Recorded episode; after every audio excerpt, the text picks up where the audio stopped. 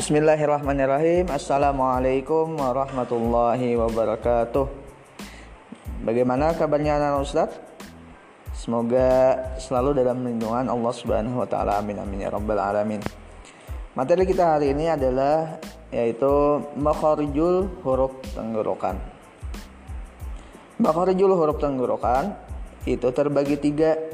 Yang pertama atas, tengah, dan bawah. Jadi makharijul huruf tenggorokan itu terbagi tiga atas, tengah, dan bawah.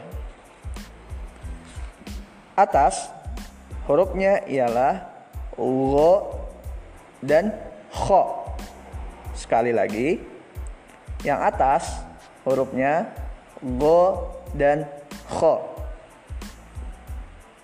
Bagian kedua yaitu bagian tengah. Hurufnya a dan h. A dan h. Selanjutnya, yang bagian yang ketiga ialah bawah. Hurufnya A H.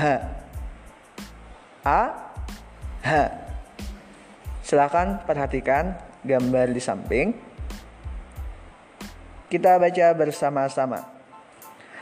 A A A A A A H H H H H H Terus a a a a a a ha ha ha ha ha ha wogo wogo wogo kho kho kho kho kho kho nah, itu adalah contoh bunyi suara makharijul huruf tenggorokan